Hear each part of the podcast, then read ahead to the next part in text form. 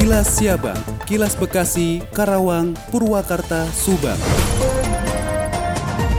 Dari Subang dikabarkan pemerintah Kecamatan Pamanukan mengajukan normalisasi sungai yang melintas delapan desa. Normalisasi diharapkan dapat meminimalisir dan memperkecil potensi banjir di Pamanukan. Camat Pamanukan Dr. Andus Muhammad Solih mengatakan awalnya empat camat di Pantura dipanggil oleh Komisi 2 DPRD Subang untuk dengar pendapat bersama dinas terkait yaitu Dinas PUPR terkait dengan penanganan banjir di Pantura. Sebab pemerintah Kabupaten Subang pada APBD perubahan telah menganggarkan dana untuk kegiatan normalisasi di Pantura. Solih menambahkan untuk di Pamanukan sungai yang utama yang perlu dinormalisasi adalah Sungai Cigadung dan Kalensema. Hanya saja tidak hanya kedua sungai itu, namun beberapa saluran dan sungai lain yang melintasi delapan desa di Kecamatan Pamanukan juga sudah diajukan. Hingga saat ini belum ada kabar lebih lanjut terkait dengan rencana normalisasi, sebab pihaknya juga masih menunggu informasi terkait anggaran pada APBD perubahan. Demikian Tika, GSP Radio Pamanukan mengabarkan untuk Kilas Siabang. Kilas Siabang, Kilas Bekasi, Karawang, Purwakarta, Subang. Dari Karawang menginformasikan, dalam rangka meningkatkan produktivitas dan penghasilan petani, Menteri BUMN Erick Thohir terus mendorong pelaksanaan program makmur PT Pupuk Indonesia. Program yang diluncurkan pada Agustus 2021 ini akan diimplementasikan secara nasional. Kali ini program makmur akan diimplementasikan di Kecamatan Rawamerta, Kabupaten Karawang. Luas lahan yang akan mengikuti program ini adalah 100 hektar dengan komoditas padi. Dikatakan oleh staf khusus Menteri BUMN, Arya Sinulinga, para petani di Karawang harus mengikuti program makmur karena memiliki banyak manfaat, yaitu meningkatkan produktivitas dan penghasilan petani.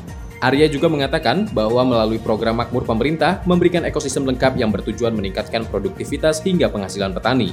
Ekosistem di sini menghubungkan petani dengan pihak project leader, asuransi, lembaga keuangan, teknologi pertanian, pemerintah daerah, agro input, dan off-taker. Dikatakan oleh Encum Hidayat yang merupakan petani dari kelompok Tani Cahaya Barokah mengungkapkan bahwa program Makmur Pupuk Indonesia terbukti memberikan banyak manfaat, salah satunya meningkatkan produktivitas dan penghasilan petani. Sebagai petani, Encum mengaku dari awal bergabung sudah mendapat bantuan berupa benih, difasilitasi pupuk, serta didampingi dari awal tanam hingga proses penjualan hasil panen. Demikian, Yuda Arya Seta, ADS Radio 96,9 FM Karawang untuk Kilas Abang. Kilas Siabang, Kilas Bekasi, Karawang, Purwakarta, Subang. Kecamatan Bantar Gebang terpilih menjadi tuan rumah MTQ ke-23 tingkat Kota Bekasi 2021. Acara akan dibuka mulai Senin 27 hingga 30 September mendatang. Camat Bantar Gebang Warsim Suryana mengatakan sebagai kecamatan yang tahun ini dipercaya menjadi tuan rumah, dirinya dan seluruh komponen masyarakat mengaku siap menjadi tuan rumah yang baik. Warsim menjelaskan pembukaan MTQ ke-23 tingkat Kota Bekasi akan dibuka langsung oleh Wali Kota Bekasi pada hari ini secara daring dan luring dengan undangan terbatas. Sementara itu, Ketua LPTQ Kecamatan Bantar Gebang Hamidah menjelaskan tentang persiapan para peserta dari Kecamatan Bantar Gebang sudah siap untuk mengikuti kegiatan tersebut. Dijelaskannya, Kecamatan Bantar Gebang mengirimkan 20 peserta 90% merupakan warga Bantar Gebang. Siva Pradila, Radio Dakta 107 FM melaporkan. Kilas Siabang, Kilas Bekasi, Karawang, Purwakarta, Subang. Kan dari Subang, Wakil Bupati Subang yakni Agus Maskoro Syadi menghadiri dan membuka kegiatan Open Day SMK Negeri 2 Subang Kegiatan tersebut menyelenggarakan hasil produksi siswa dan siswi pertanian Open Day SMK Negeri 2 Subang. Menurut Kepala Sekolah SMK 2 Subang yakni Deden Suryanto, dirinya merasa bangga karena sekolahnya ditetapkan sebagai salah satu target program Youth Entrepreneur dan Development Support Service atau YES sebagai Business Development Service VDFAR dan di Indonesia hanya 15 kabupaten yang masuk dalam kategori program YES dan salah satunya yakni SMK Negeri 2 Subang.